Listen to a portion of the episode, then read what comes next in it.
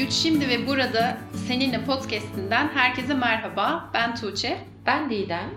Bu hafta insan ilişkilerindeki önemli iki beceriden konuşacağız. Özellikle iletişimi daha da kuvvetlendirmek adına edinmemiz gereken iki beceri bunlar. Birincisi takdir, diğeri de geri bildirim. Neden bunlar hayatımızda bu kadar önemli ve tam olarak nedir, ne değildir? Bunlar üzerine bir sohbet gerçekleştireceğiz.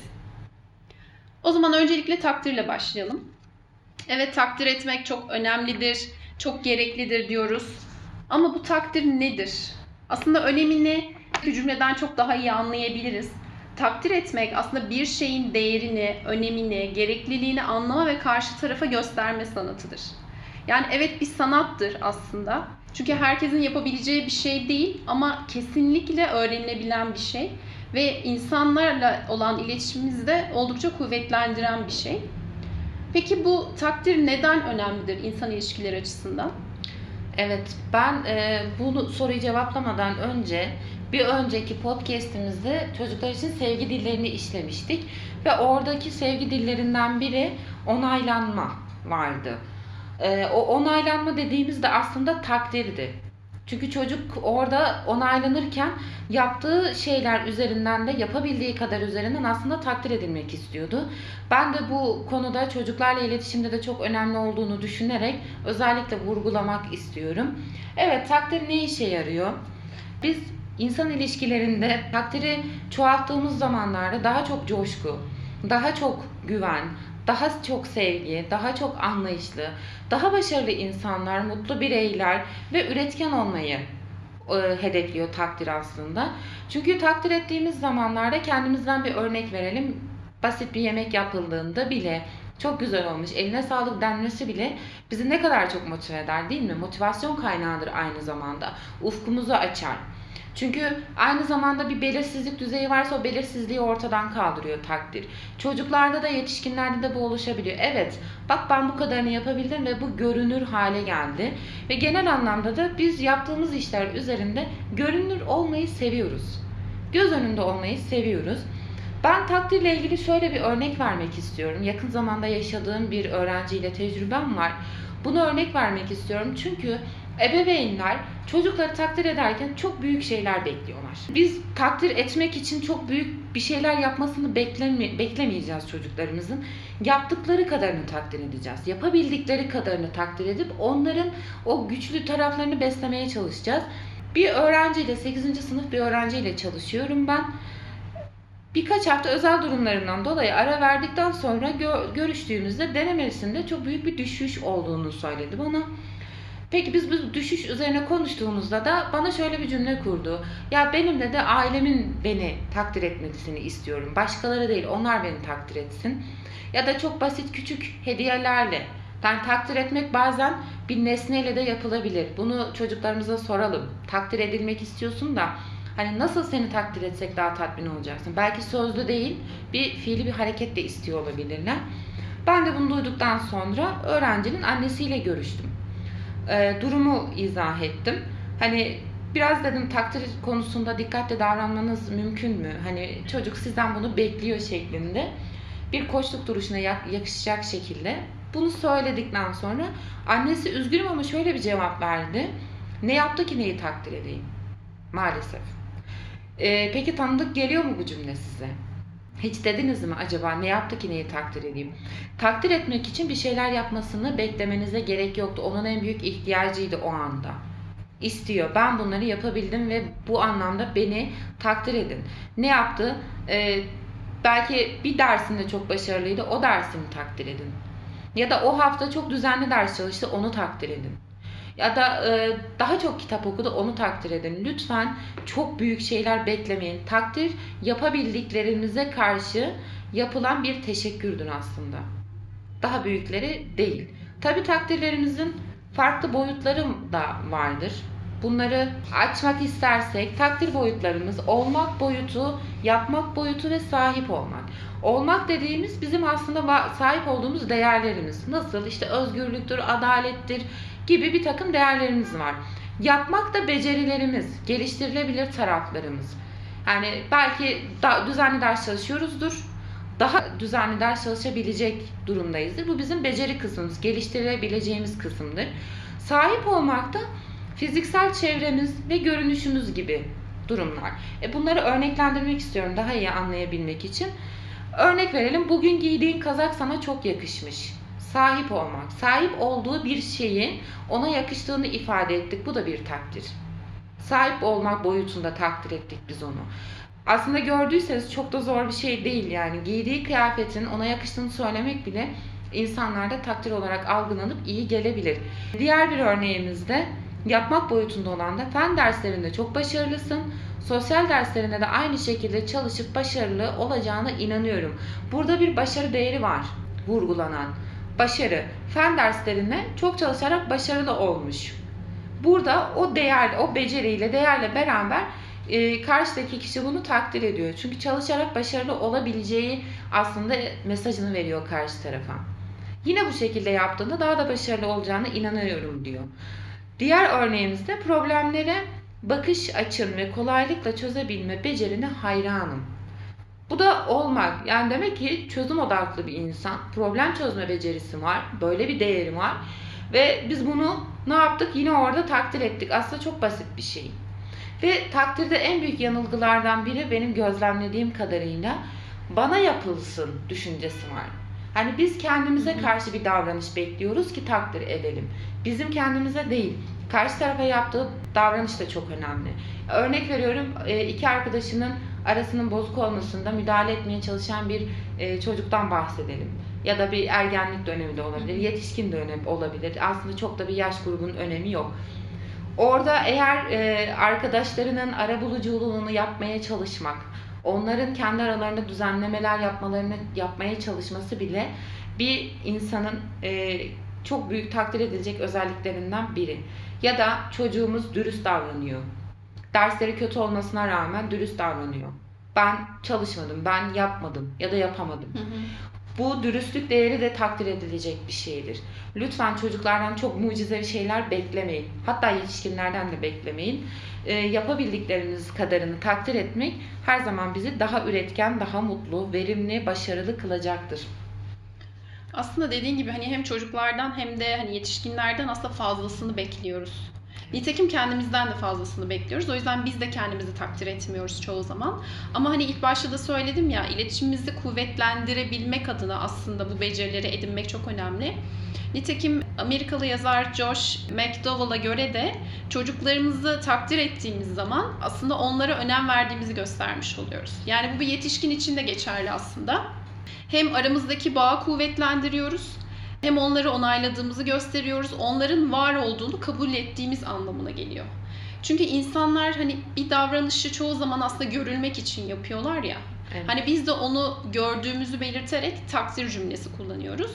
Ama biz kendimizi bile takdir edemediğimiz için çünkü hep şey gibi düşünüyoruz aslında. Her zaman kusursuz varlıklar olmamız gerekiyor. Her şeyi çok iyi yapmamız gerekiyor. Haliyle karşımızdan da onu bekliyoruz. Ve şöyle de düşünülüyor. Aslında iş dünyasında da öyle hani geri bildirim ve takdir önemli beceriler. Ee, ve nasıl olsa zaten yapması gereken bir şey. Ben onu niye takdir edeyim? Zaten yapması gerekiyor. Zaten o onun görevi. Ama e, sen onu ne kadar takdir edersen aslında o özellikleri konusunda daha da motivasyon kazanmış olacak ve daha da ileriye kendini götürmüş olacak. E, işte bu noktada biraz aslında karşı tarafı gözlemleme de önemli. Evet. Bu sayede hem karşı tarafı takdir ettiğinde karşı tarafla arandaki iletişimi kuvvetlendireceksin ve sen onu takdir ettiğin için aslında sana da geri dönüş olmuş olacak. Kesinlikle çok doğru söylüyorsun. Bir de şöyle bir şey var. Hani öğrenci koştuğu yaptığımız zamanlarda genelde de ergenlik dönemi çocukları geldiği için en büyük problemleri iletişim ve ilişkiler. Bu benim gözlemim. Hani daha çok bunlarda sıkıntı yaşıyorlar bunlar. Ee, o çocuklarda evet takdirin ne kadar eksik olduğunu ben de çok fazla gözlemliyorum. Hani aileler o kadar büyük bir külfet yüklüyorlar ki çocukların üzerine. Yani çok basit bir örnek vereyim. Fen lisesini kazanamayacak kapasitesi yok öyle bir öğrenciye fen lisesini kazanacaksın gibi bir baskı bile uygulayabiliyorlar. Aslında yok. Onda öyle bir yeterlilik yok. Ya da o derece iyi değil.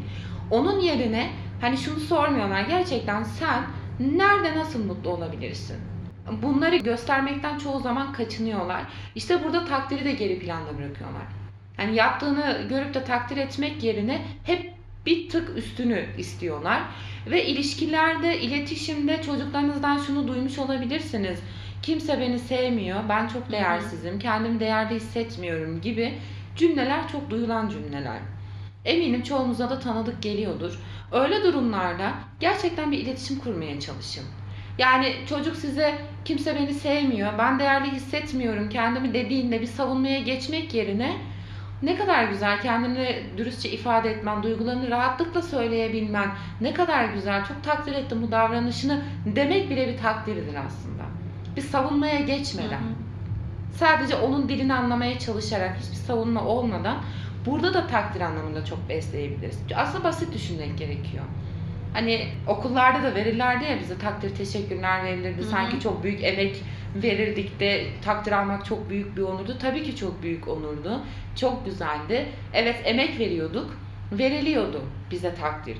O zaman şimdi niye emek vermeden bir şeyleri hemen e, çok kısa sürede elde etmeye çalışalım ki? Takdir etmek için de emek vermek gerekiyor. Bunu pratikleştirmek gerekiyor. Önce kendinizden başlamak gerekiyor. Aynanın karşısına geçip ya bu giydiğim e, kazak ne kadar çok yakıştı demek de bir takdirdir. Bugün ne kadar iyi görünüyorum demek de bir takdirdir. Sabah erken kalkmam gerekiyordu ve kalktım. Harika bir şeydi bu. Bu da bir takdirdir. Lütfen çok öyle detaylara inmeden daha yüzeysel, daha basit düşündüğümüzde aslında birçok malzemenin elimizde olduğunu da göreceğiz. Aslında şöyle bir alıştırma da önerebiliriz e, dinleyenlere. Bir hafta boyunca kendilerini bir gözlemlesinler ve bir yere not etsinler. Ne kadar çok takdir cümlesi kullanıyorlar. Önce kendilerinden başlasınlar. Evet, Örneğin bir hafta boyunca e, bugün acaba ben kendimi takdir etmek için nasıl bir cümle kurdum? Mesela bir kek pişirmişsinizdir, çok güzel kabarmıştır. Aa ne güzel kek yapmışım ya. Acaba böyle bir cümle kurabiliyor musunuz? Eğer kuruyorsanız evet onu bir yazın. Hı. Sonra bir bir hafta sonunda bir bakın. Hani kendinizi takdir etmek için kaç tane cümle kullanmışsınız? Bir sonraki hafta haftada başka insanlar için. Eşiniz, çocuğunuz, anneniz, babanız, çalıştığınız ortamdaki arkadaşlarınız için olabilir ya da kendi arkadaşlarınız, dostlarınız için olabilir. Kimleri ne kadar takdir ediyorsunuz? Hani öncelikle e, o gözlemi ve o farkındalığı eğer kazanırsanız zaten o takdir becerisini geliştirmeniz de daha kolay olacaktır. Çok kolay olacak. Evet çok güzel bir uygulama bence de. Ee, onun dışında bir şey daha eklemek istiyorum ben takdirle ilgili. Bu ebeveynlerde de var, yetişkinlerin hepsinde var aslında. Sanki birini takdir edersek onu şımartacakmışız gibi bir izlenim var. Evet kesinlikle. Yani ben onu takdir aman o şımarır, ben onunla baş edemem gibi cümleler, ben daha onu toplayamam. Aslında en büyük yanılgılardan biri de maalesef bu. Çünkü yine söylüyoruz, takdir yapabildiği kadarını takdir ettiğiniz zaman hiçbir şımarma durumu olmayacaktır. Tam tersi daha motive olacaklar, daha özgüvenli bireyler olacaklar, daha nerede ne yaptıklarını bilecekler, kendilerini daha doğru ve rahat ifade edebilecekler, daha sevgi dolu olacaklar ve o öyle bireylerin de devamında öyle bireyler gelecek. O da takdir öğrendiği için, o da takdir etmeyi bildiğinden etrafındaki insanlara yapmaya başlayacak. Hı hı. Yani rahat olun. Bir çocuğu ya da herhangi bir yetişkinini takdir ettiğinizde şımarmayacak, egosu tavan yapmayacak, çok e, kibirlenmeyecek, içiniz rahat olabilir. Ama o insana karşı müthiş bir e, değer vermiş olduğunuz için kendini çok iyi hissedecek. Bunun için de bence değer takdir etmek. Kesinlikle çok doğru. Ee, Amerikalı psikolog ve filozofun e, dediği bir cümle var ki bunu da her zaman hatırlamanızı tavsiye ederim. İnsanın doğasındaki en derin prensip takdir edilme isteğidir. Evet.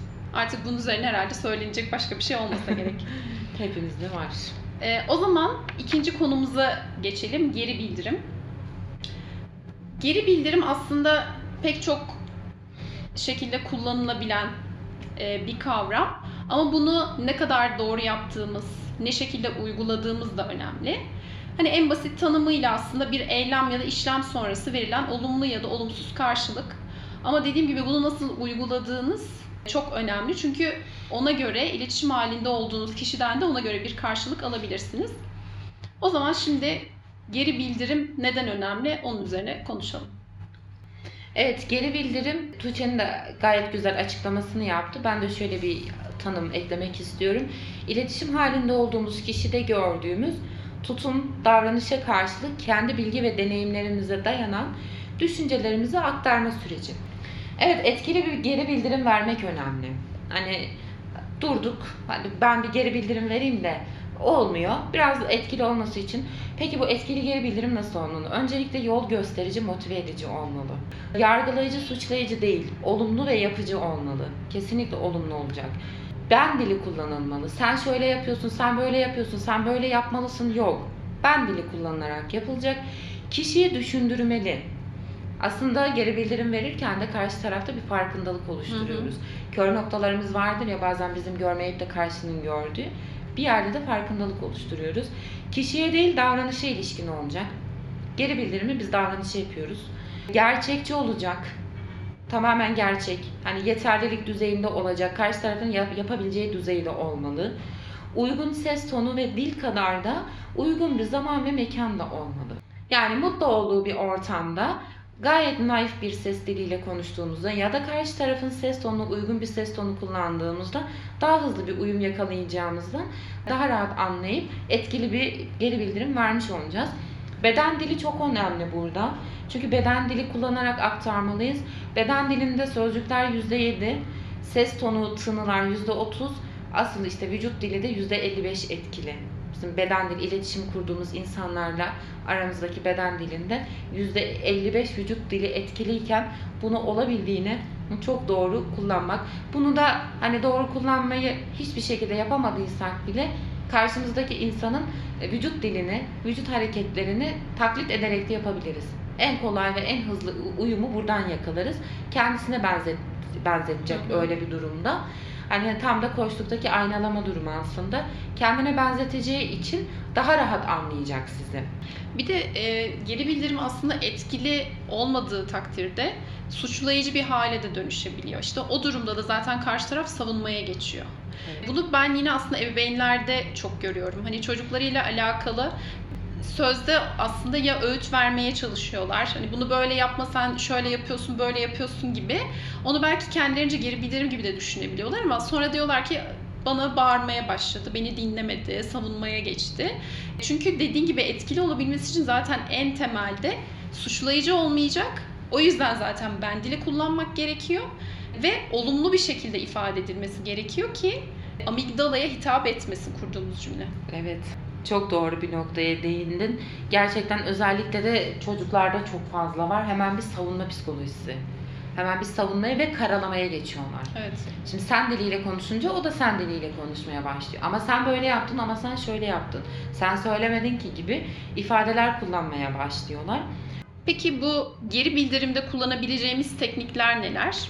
Özellikle iş dünyasında da olabilir, aile ilişkilerinde, arkadaş ilişkileri her yerde kullanılabilecek en kolay ve etkili sandviç tekniği. Bir sandviç hayal edelim. Altında üstünde sandviç ekmeği, arasında da e, zevkimize göre kullandığımız malzemeler. Bir hayal edelim. Şöyle ekmek kısımları takdir kısımları. Hı hı. Oraya takdiri. Zaten en başta takdirden bahsetmemizin nedeni buydu. Daha rahat oturması açısından. Ekmek kısımları takdir kısmı. Aradaki malzeme kısmı da geri bildirim kısmı. Sandviç yaparken araya koyduğunuz malzemeyi çok özenle seçersiniz değil mi? Size hitap etmeli. Damak zevkinize uymalı. Hı hı. Orada ne kadar lezzetli olursa aldığınız haz ve keyif de o kadar lezzetli olacak. Ama sevmediğiniz, hiç hoşlanmadığınız bir malzemeyi koyduğumuzu varsayalım. Bir daha da muhtemelen görmekte, duymakta istemeyeceksiniz öyle bir şeyi. O yüzden sandviç tekniği önemli. Evet o sandviç tekniğinin ek- ekmek kısımları olumlu özellik dediğimiz ve takdir.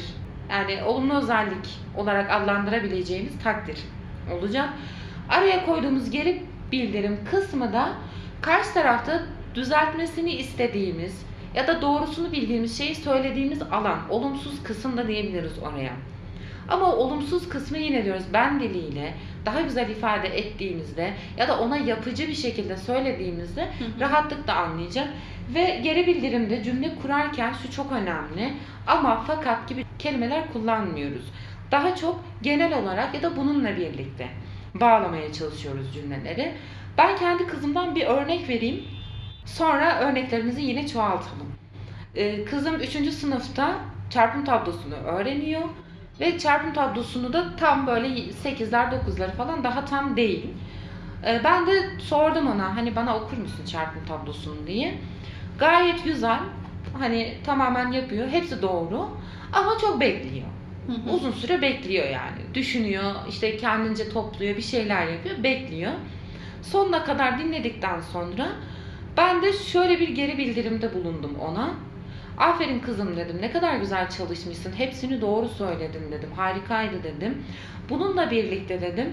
Daha çok tekrar edersen daha kolaylıkla söyleyebileceğini düşünüyorum dedim. Ve bunun da dedim çarpım tablosunu ne kadar seri söylemekte senin her zaman başarını daha da artıracak Hı hı. olduğunu düşünüyorum ve görüyorum. Gerçekten de hepsini de doğru yaptığın için de muhteşemdin diyorum. Böyle bir şey söyledim durdu ve bana baktı. Ya bu gerçek bir şey yani bu hayali bir şey değil yaşadığım bir şey. Durdu bana baktı. Anne dedi sen dedi bana dedi o daha çok tekrar etmen gerekiyor kısmını söylemeden önce dedi ben orayı anlamıştım biliyor musun dedi. Bence de dedi. Yani dikkat ederseniz baştaki bir takdir bile bir anda ufkunu açtı çocuğun. Ben de orada onu söyledim. O zaten diyor ki ben onu zaten diyor sen bana ilk söylediğinde diyor fark ettim diyor. O yüzden takdir çok önemli ve büyük bir keyifle gitti odasında işte bazı materyalleri var. Onları kullanarak çarpım tablosu çalıştı. Ki normalde ben onu odasına gönderene kadar bayağı bir deveye hendek atlatıyorum. Yani o kadar zor normalde. Ve iyi geldi ona. Yapabildiğini görmek onu mutlu etti. O geri bildirim kısmı da onun eksik kısmı değildi. Tamamlanacak kısmıydı. Hı hı. Yani bir şeyi tamamlamak için eksik olmasına gerek yok. Sadece hep eksiklik gibi algılamamıza hiç gerek yok. Ee, bir de aslında bu takdiri hani sandviç ekmeği dedik ya yani lezzetli bir sandviç ekmeği gibi düşünelim işte takdir olumlu olduğu için ve aslında takdir ettiğimizde gardını düşürmüş oluyoruz. Yani artık hani rahatlıkla bir şey söyleyebiliyorum çünkü zaten bir takdir ettim. Kişi de zaten olumlu bir şey uyandı. Tamam dedi. Demek ki iyi bir şey söyleyecek bu bana. Savunmaya geçmeme gerek yok dedi aslında. Sonrasında sen rahatlıkla geri bildirimini verdin. Ha, tabii ki geri bildirimin etkili olabilmesi için olumlu bir cümle şeklinde kullanılması çok önemli. Ama hani yine takdirin aslında ne kadar önemli olduğunu da burada değinmiş olduk. Yani takdir olmadan geri bildirim çok zor.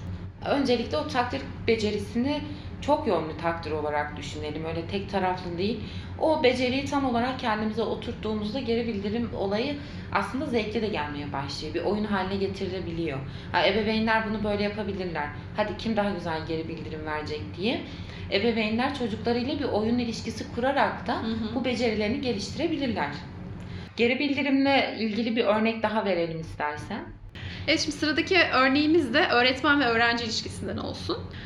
Şöyle farz edelim ki e, öğretmen öğrencisini bir durumla ilgili bir geri bildirim verecek ve bunu nasıl verirse daha etkili olur. Örneğin öğretmen şöyle söylüyor.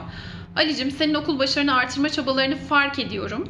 Yani burada bir takdir etti ve aslında öğrencinin o çabasını gördüğünü orada göstermiş oldu. Sonrasında bununla birlikte arkadaşların olan ilişkini de geliştirmek için çabaladığında çok başarılı bir öğrenci olacağına inanıyorum. Genel olarak sen söz dinleyen bir çocuk olduğun için seni çok seviyor ve bu söylediklerimi dikkate alacağını düşünüyorum. Şimdi bu sözlerin üzerine öğrenci ne diyebilir ki savunmaya geçemez yani. Evet. Çünkü zaten bir kere takdir edilmiş, o kaldıraç kısmına zaten geçilmiş. Kişinin zaten motivasyonu yükselmiş. E haliyle artık öğretmenin dediklerini dinlemekten başka yapabileceği bir şey yok gibi duruyor. Diğer bir örnek de okul müdürü ve öğretmenle ilgili. Okul müdürü öğretmenine şöyle söylüyor. Buket öğretmenim, öğrenciler ve velileriyle olan iletişiminizdeki çabanızı çok beğeniyorum.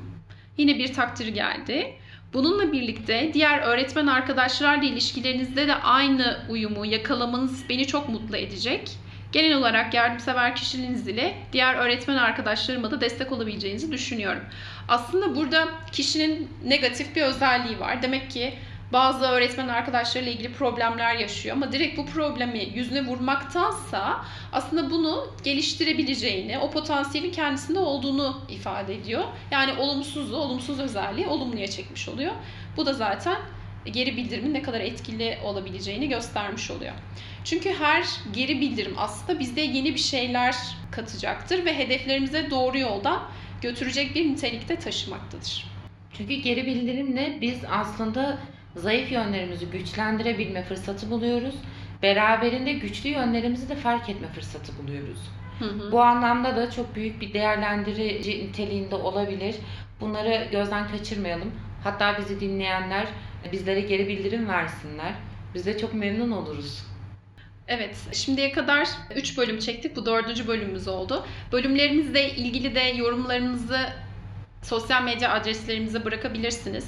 Başka hangi konularda bölüm çekmemizi isterseniz onlarla ilgili de bize düşüncelerinizi ulaştırabilirsiniz. Biz de sizin geri bildirimlerinizi bekliyoruz. Evet, geri bildirim ve takdir fark ettiğiniz üzere iç içe faktörler. İkisi bir arada olduğu zaman çok daha lezzetli bir durum çıkıyor ortaya.